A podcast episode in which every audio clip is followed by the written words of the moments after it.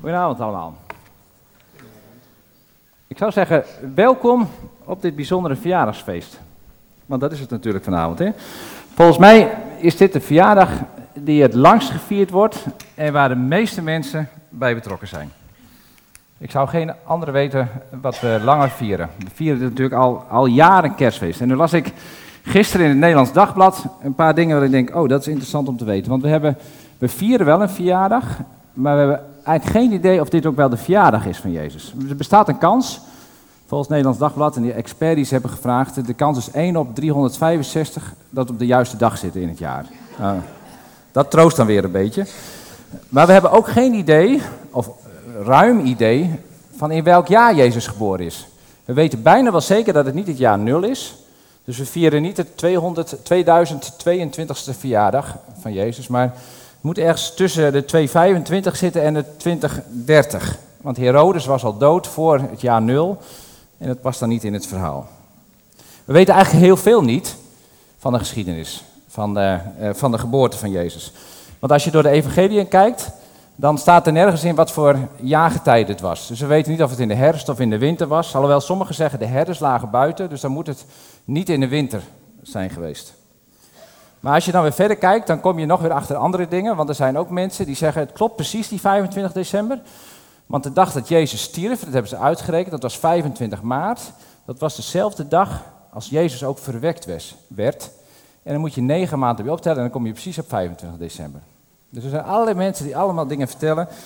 En zeg mij maar wat waar is. We weten het allemaal niet precies. Of hij in een grot geboren is, of in een stal geboren is, of in een hutje geboren, of in een woonhuis. We weten eigenlijk heel veel niet. En dat de wijzen kwamen, dat heeft uh, Luther bedacht in 1522. Want als je de grondtekst kijkt, dan staat er helemaal geen wijzen, maar dan staat er magiërs, van magie. En daar houden christenen niet zo van, en Luther ook niet zo. Dus die dacht, laat ik er wijzen van maken, dan haal ik dat magiërs weg. Dus ook dat, als je hier voor dit verhaal kwam, helaas, dan moet ik je teleurstellen. Dus we weten heel veel niet van kerst. Maar wat we wel weten, is dat toen Jezus geboren werd, dat dat een keerpunt was in de geschiedenis. Want we spreken nog steeds over de hele wereld, bijna iedereen zegt het is voor Christus of na Christus. En wij christenen hebben de Bijbel en die Bijbel is in tweeën verdeeld, in een Oude Testament en in het Nieuwe Testament.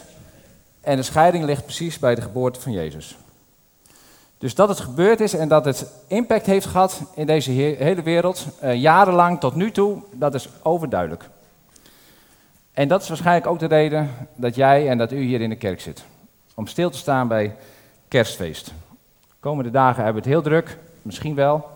Met eten, met kerstliedjes uh, uh, beluisteren, met allerlei dingen van kerst. Maar vanochtend, vanavond, willen we stilstaan bij het kerstverhaal. Dus wat is nou de essentie van kerst? En ook daar kun je heel veel verschillende uh, preken over houden. Want er zijn heel veel dingen te vertellen over kerstfeest, wat heel veel, wat heel veel bij die essentie ligt. Dus daarom moet je volgend jaar ook weer terugkomen. En het jaar daarna ook weer terugkomen. Want steeds gaan we een klein stukje vertellen van het kerstverhaal. En dat ga ik vanavond ook doen. Ik ga het in twee stukjes doen. Ik heb het in tweeën geknipt. Tussendoor zingen we een aantal liederen. Het eerste heb ik kerst 1.0 genoemd. En de tweede kerst 2.0. Makkelijk kan het niet. Ik begin bij een volgend plaatje om uh, kerst 1.0 duidelijk te maken. En als je dit ziet, wat denk je dan aan? Wifi, ja. Ja, dat is het. Hè? En als je, als je goed kijkt, vanaf hier kan ik het iets beter zien, dan zie je daar zo die wifi-golf. Die loopt daar. En dan loopt die daar. En, dan hier, en daarboven is een andere golf. Dat is de geluidsgolf. Zien jullie hem? Nee, hè? Nee, dat is onzin natuurlijk. Die golven die zie je helemaal niet. Die golven die zijn er wel, maar ze zijn echt onzichtbaar. En wat heb je nodig om die golven te zien? Onder andere je telefoon. Op je telefoon kun je zo'n embleempje dan zien en dan zie je dat je verbonden kan worden met het wifi-signaal van de kerk. De open thuis netwerk heet dat, daar kun je dan op inloggen. En dan kun je op internet, je kan geld overmaken naar de kerk en weet ik wat je allemaal kan doen. Kan heel veel dingen kun je doen met dat wifi-signaal. Maar je hebt die telefoon nodig om dat te zien.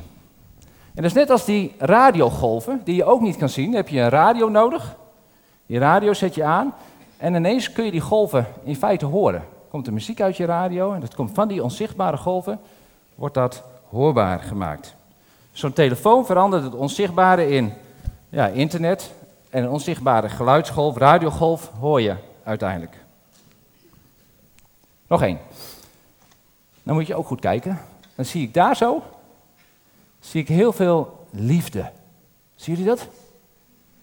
Hier in het midden wordt het wat minder, maar daar wordt het wel weer meer. En zeker erachteraan is heel veel liefde. Nee, dat zie je ook niet, hè? Liefde zie je niet. Je ziet niet allemaal hartjes, je ziet niet allemaal dingen. Nee, liefde kan wel zichtbaar worden, maar dat wordt zichtbaar tussen mensen. Bijvoorbeeld, als twee mensen hand in hand lopen, dan is dat misschien wel liefde. Tenminste, daar mag je van uitgaan. Of ik heb nog een plaatje. Ook dit is denk ik liefde. Een man die met zijn kinderen speelt, die houdt vast van zijn kinderen of hij moet ze de zee ingooien, nou, dan is dat een ander verhaal. En deze liefde is ook heel mooi. Dit is de liefde tussen een broer en zus. Ook dat is liefde. Liefde wordt op heel veel manieren zichtbaar. Maar liefde zelf kun je niet zien. Dat zweeft niet ergens, of dat, dat, dat kan je niet pakken. Dat is er niet. Dat is onzichtbaar. Maar liefde wordt zichtbaar in mensen. En liefde wordt op een hele bijzondere manier zichtbaar. En daarom laat ik deze foto zien. Daar waar een kind geboren wordt, zou je kunnen zeggen, daar wordt de liefde van twee mensen op een hele bijzondere manier zichtbaar. Want normaal gesproken zou er geen kind komen als die liefde er niet is tussen deze twee. En zo komen we steeds dichter bij kerst. Bij kerst 1.0. Want God is ook onzichtbaar. Je kan God niet zien. Niemand heeft God ooit gezien. Misschien Mozes. Mozes heeft God van achteren gezien. Maar verder hebben we God nog nooit gezien. En toch wordt God zichtbaar. Hij wordt zichtbaar door de schepping. Als je kijkt naar de schepping, hoe mooi dat gemaakt is, dan zie je daar iets van God terug. En God wordt ook zichtbaar in zijn volk. Als je het leven van het volk kent, of de, de, de geschiedenis van het volk Israël kent, de verhalen daarover leest, de regels en de wetten van God bestudeert, als je de profeten hoort die bij het volk Israël waren, dan hoor je Gods stem. Dan hoor je God, dan zie je God zijn trouwe hand met het volk. Dan zie je steeds meer God. Dan wordt die onzichtbare God langzamerhand zichtbaar. Door de profeten, door de geschiedenis van het volk van Israël. En zo gaan we langzamerhand naar het jaar nul. Want dan, dan wordt God op de beste manier zichtbaar ooit. Dan wordt God zichtbaar door Jezus Christus. Zoals je die radiogolven niet kunt zien en een radio nodig hebt om die golven te horen. Zoals je de liefde niet kan zien, maar mensen nodig hebt, mensen aan mensen kan zien dat de liefde er is. Zo kan je God niet zien, maar kun je in Jezus Christus kun je zien wie God is. En dat heb ik niet zelf verzonnen, maar dat wil ik met je lezen uit het kerstverhaal. En dat is het kerstverhaal, een mini-verhaaltje in Hebreeën 1, vers 1 tot 3. Dat ga ik met je lezen. Op velelei wijze en langs velelei wegen heeft God in het verleden tot de voorouders gesproken door de profeten. Dus God heeft gesproken door de profeten tot de mens.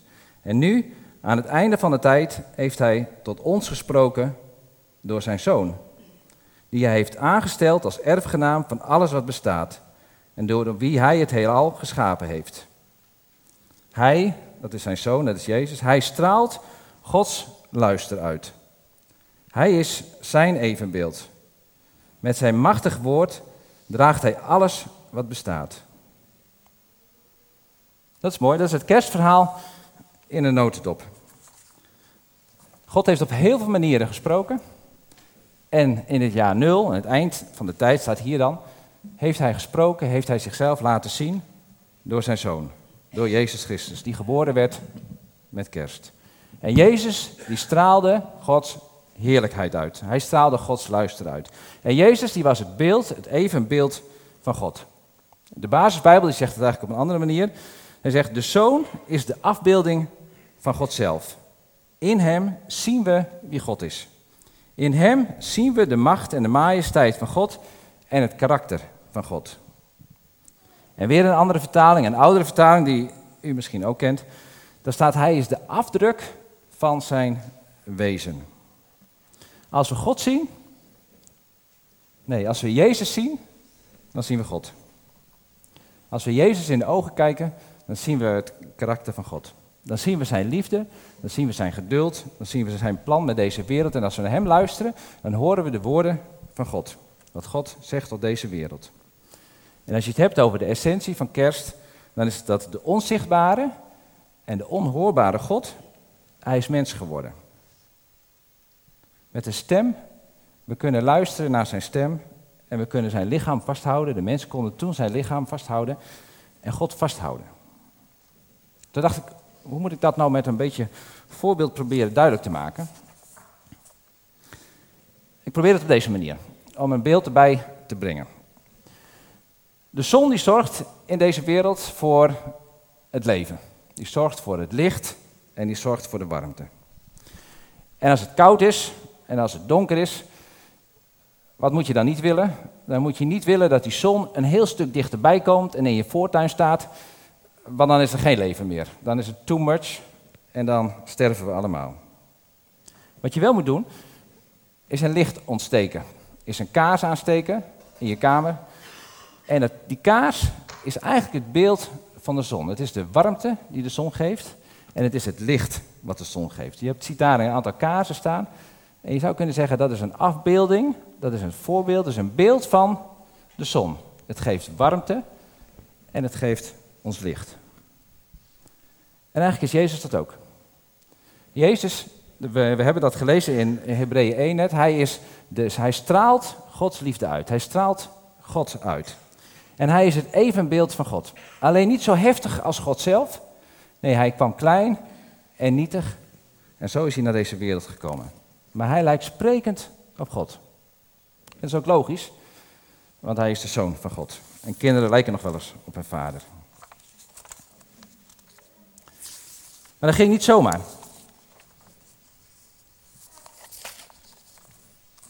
We lezen in Filippenzen 2 dat Jezus, de hemel, toen hij daar was, heeft hij allemaal achter zich gelaten.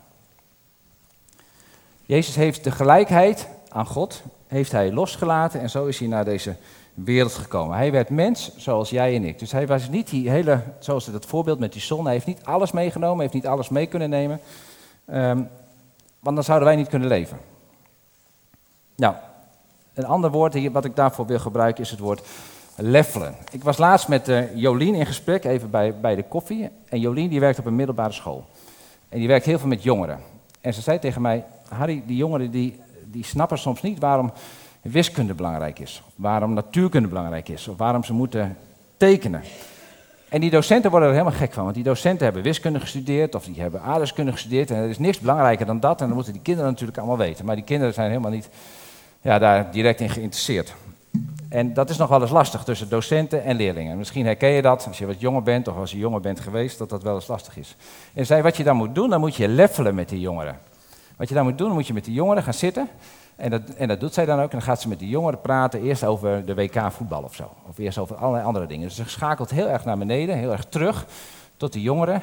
En ze gaat in de wereld zitten van de jongeren. En met die jongeren gaat ze dan over die, dingen praten. En als ze dan goed contact heeft met die jongeren, dan verbindt ze die weer aan die docenten en aan het vak. En dan worden ze meer geïnteresseerd, dan zijn ze meer geïnteresseerd in het vak. Nou, wat God met kerst doet, en wat God met kerst deed, is leffelen met ons. Hij ging naar de aarde.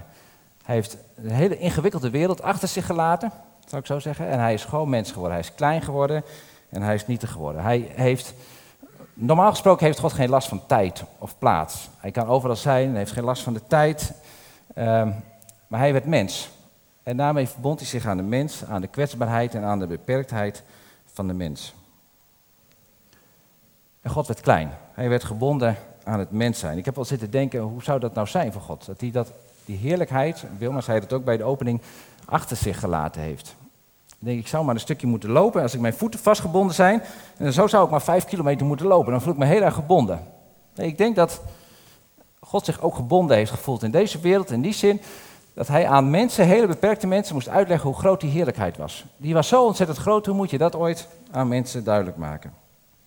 En toch werd hij mens, zoals jij en ik. Hij werd mens, zodat we hem vast konden houden. Hij werd mens, zodat we met hem op konden lopen, zodat we met hem konden praten, zodat we met hem van gedachten konden wisselen, zodat we hand in hand met hem konden lopen.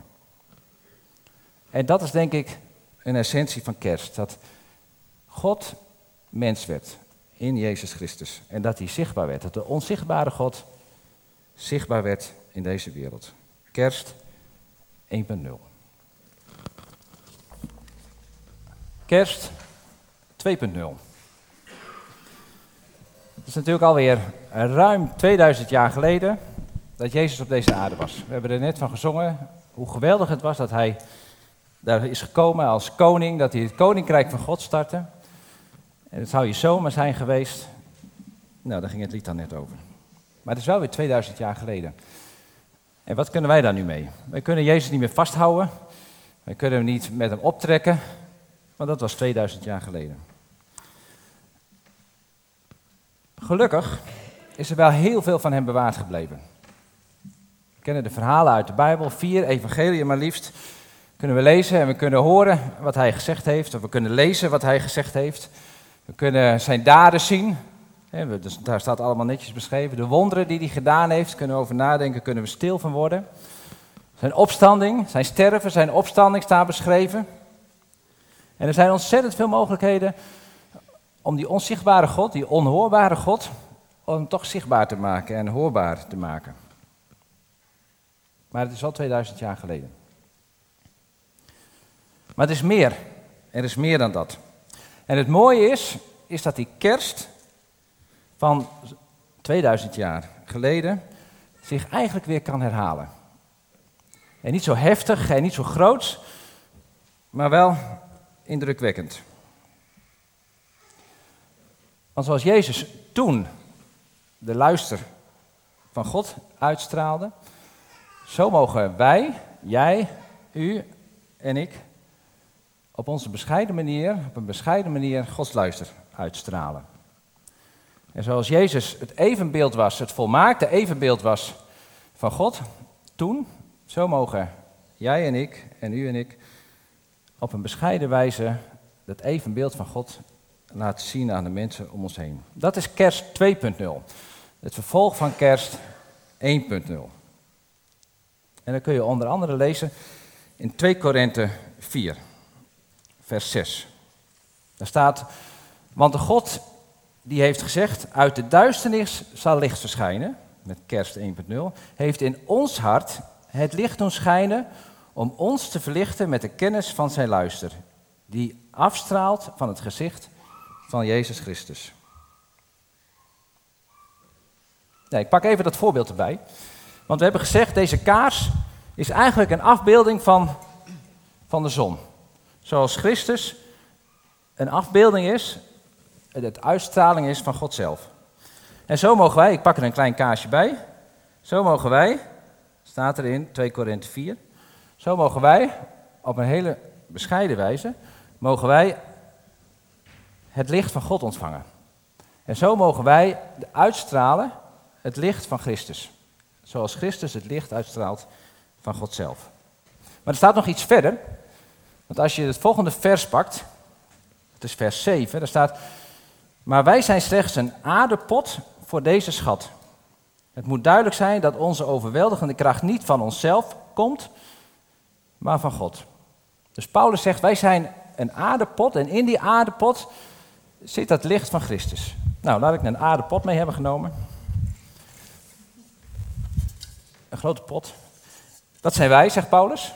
Dat ben jij. Breekbaar. En daar zit de kracht, daar zit de liefde, daar zit Gods licht in. En als je het heel donker zou maken en alles zou uit zijn, dan zou je hier wat licht zien. En zo mogen wij op een hele bescheiden manier de liefde van God en zijn evenbeeld mogen we uitstralen naar de mensen om ons heen, zegt Paulus. Waar Jezus dat op een perfecte manier deed, zonder beschadiging of wat ook, kunnen wij dat slechts op een beperkte manier doen. Maar we kunnen het wel doen. En Paulus zegt, zo wil God dat graag. En dit is best een redelijke pot. Maar ik wou hier wat barsten inslaan, maar dan blijft niet heel veel van die pot over. Maar als wij met die pot vergeleken zouden, er zitten wel barstjes in. En ik kan me herinneren dat Willem laatst nog zei, dat is ook wel heel mooi, want dat zegt Leonard Cohen ook. Hè. Die zegt, daar, als er barstjes in zit, dan zie, zie je juist Gods liefde daardoorheen. Dus je moet je maar een beetje voorstellen dat hier wat barsten in zitten. Dat we wat beschadigd zijn als mens, maar juist daardoorheen wordt Gods liefde ook zichtbaar. Dus die onzichtbare God, die onhoorbare God, liet met kerst liet zichzelf zien door Christus. En nu bij kerst 2.0 zegt hij, nou wil ik zichtbaar worden door jou heen. Door jou heen, door jou heen, door ieder mens heen. En dat is wat God wil. Hij wil ook nu in 2022 en straks 2023 wil hij zichzelf zichtbaar maken. En daar heeft hij jou voor nodig. En daar heeft hij mij voor nodig. En daar heeft hij u voor nodig. En in deze wereld waar heel veel duister is, waar het hele zware dingen. Ik heb vandaag nog weer de krant gelezen. En je wordt niet vrolijk van wat je allemaal leest. Er is zoveel verdriet en zoveel moeite en zoveel pijn. Als je de oorlog in Oekraïne hebt, uh, in China, waar verzwegen wordt hoeveel mensen, hoeveel slachtoffers COVID daar eist. Het gaat over de klimaatcrisis en het gaat over de crisis dichtbij. De eenzaamheid in Nederland, de armoede in Nederland, de polarisatie in Nederland, maar ook de crisis in je eigen leven misschien. De moeilijkheden in je eigen leven, ziekte, verlies. Al, al die duisternis, daar zegt God, en toch wil ik naar licht brengen. En ik wil licht brengen door jou heen, door jou heen, door de mensen heen. En ook dat heb ik niet zelf verzonnen. Maar als je Matthäus 6 in de bergreden, kun je dat lezen. Ik dacht altijd dat Jezus zei, ik ben het licht van de wereld, en dat is hij ook. Maar hij zegt ook, nou, jullie zijn het licht voor de wereld, zegt hij. Een stad die op een berg ligt, kan niet verborgen blijven. En als je een olielamp aansteekt, zet je daar, daarna geen emmer eroverheen. Nee, je zet hem hoog neer, zodat iedereen in huis licht geeft, heeft. Laat op diezelfde manier jullie licht schijnen voor de mensen. Laat hun de goede dingen zien die jullie doen. Dan zullen jullie de hemelse vader ervoor, dan zullen ze jullie hemelse vader ervoor prijzen. Dus eigenlijk, het is mooi dat het licht hierin zit, maar eigenlijk zou het mooi zijn als dat licht wat in ons is, wat in jou is en in mij is, nog beter zichtbaar wordt. Want zo zie je eigenlijk nog veel meer. En zo mogen we langzamerhand groeien, dat dat licht van Christus, dat, dat we dat evenbeeld van Christus steeds meer gaan uitstralen. En dat is niet gewoon een mooi theoretisch verhaal, maar dat zie ik om me heen gebeuren. Als je daarop let, als jij daarop let, dan zul je dat zien. Dan zul je zien dat dat gebeurt. Ik sprak deze week even, even met Bas en hij heeft dat, eh, ik, ik, ik mocht dit van hem vertellen. En hij zei, zo een praatje, want hij is ernstig ziek. Hij zei, maar ik ervaar de rust van God in mijn leven. En dat ervaren we in ons gezin. En hij zegt, mijn hart gaat uit naar de mensen die in een gelijkwaardige situatie zitten en zijn shalom niet hebben, of dat juist missen. Hij ervaart zo de liefde van God. En daarmee straalt hij Gods liefde uit naar de mensen om hem heen. Ik las laatst op een kaartje wat iemand gekregen had en er stond op: Jij straalt de liefde van God uit. Nou, een mooi compliment kunnen we niet krijgen. En zo heb jij je eigen voorbeelden en als je erop let, dan zul je zien dat Gods liefde dichtbij is en dat jij Gods liefde kan uitstralen, maar dat de mensen om je heen dat ook doen. En daarom is het goed om met kerst in de eerste plaats te vieren dat God naar deze wereld kwam in zijn zoon. En dat zijn zoon uh, de onzichtbare en de onhoorbare God liet zien.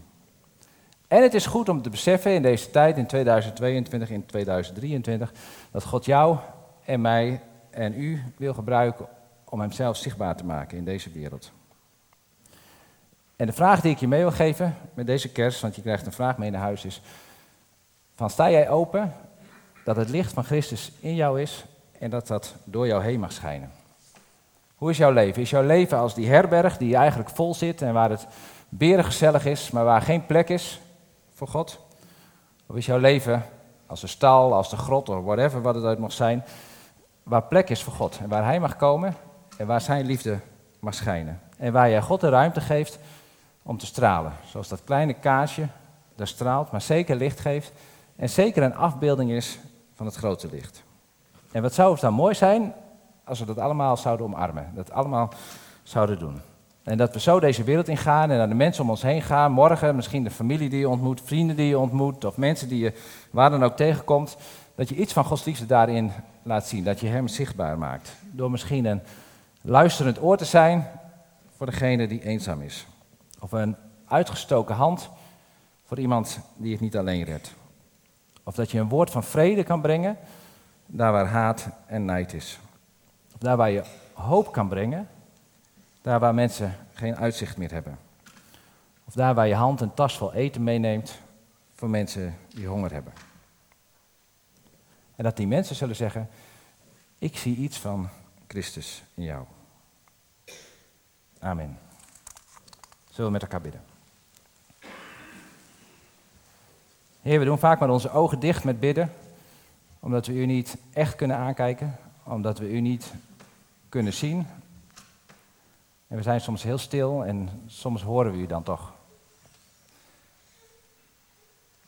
Heer, en ik bid dat we met deze kerst ons ook bewust zullen zijn dat u uzelf zichtbaar wil maken. In de eerste plaats 2000 jaar geleden door uw zoon. Dat u daarmee liet zien dat u van deze wereld houdt. En dat u nog steeds van deze wereld houdt en dat u uzelf zichtbaar wil maken door ons heen. Heer, als ik naar mijn eigen leven kijk, dan zie ik hoe gebrekkig dat is. En hoeveel er vaak meer van mezelf zichtbaar wordt dan van u. Heer, maar ik wil u bidden dat we steeds meer leren om u ruimte te geven in ons leven. Om dwars door alles heen u zichtbaar te maken. Heer, want de, wat de wereld nodig heeft, is uw liefde. Wat de wereld nodig heeft, is de hoop van u. Heer, wilt u zo door mij, door ons, door deze gemeente, door ons als gemeente werken, om uw liefde in deze wereld te laten zien. In Jezus' naam. Amen.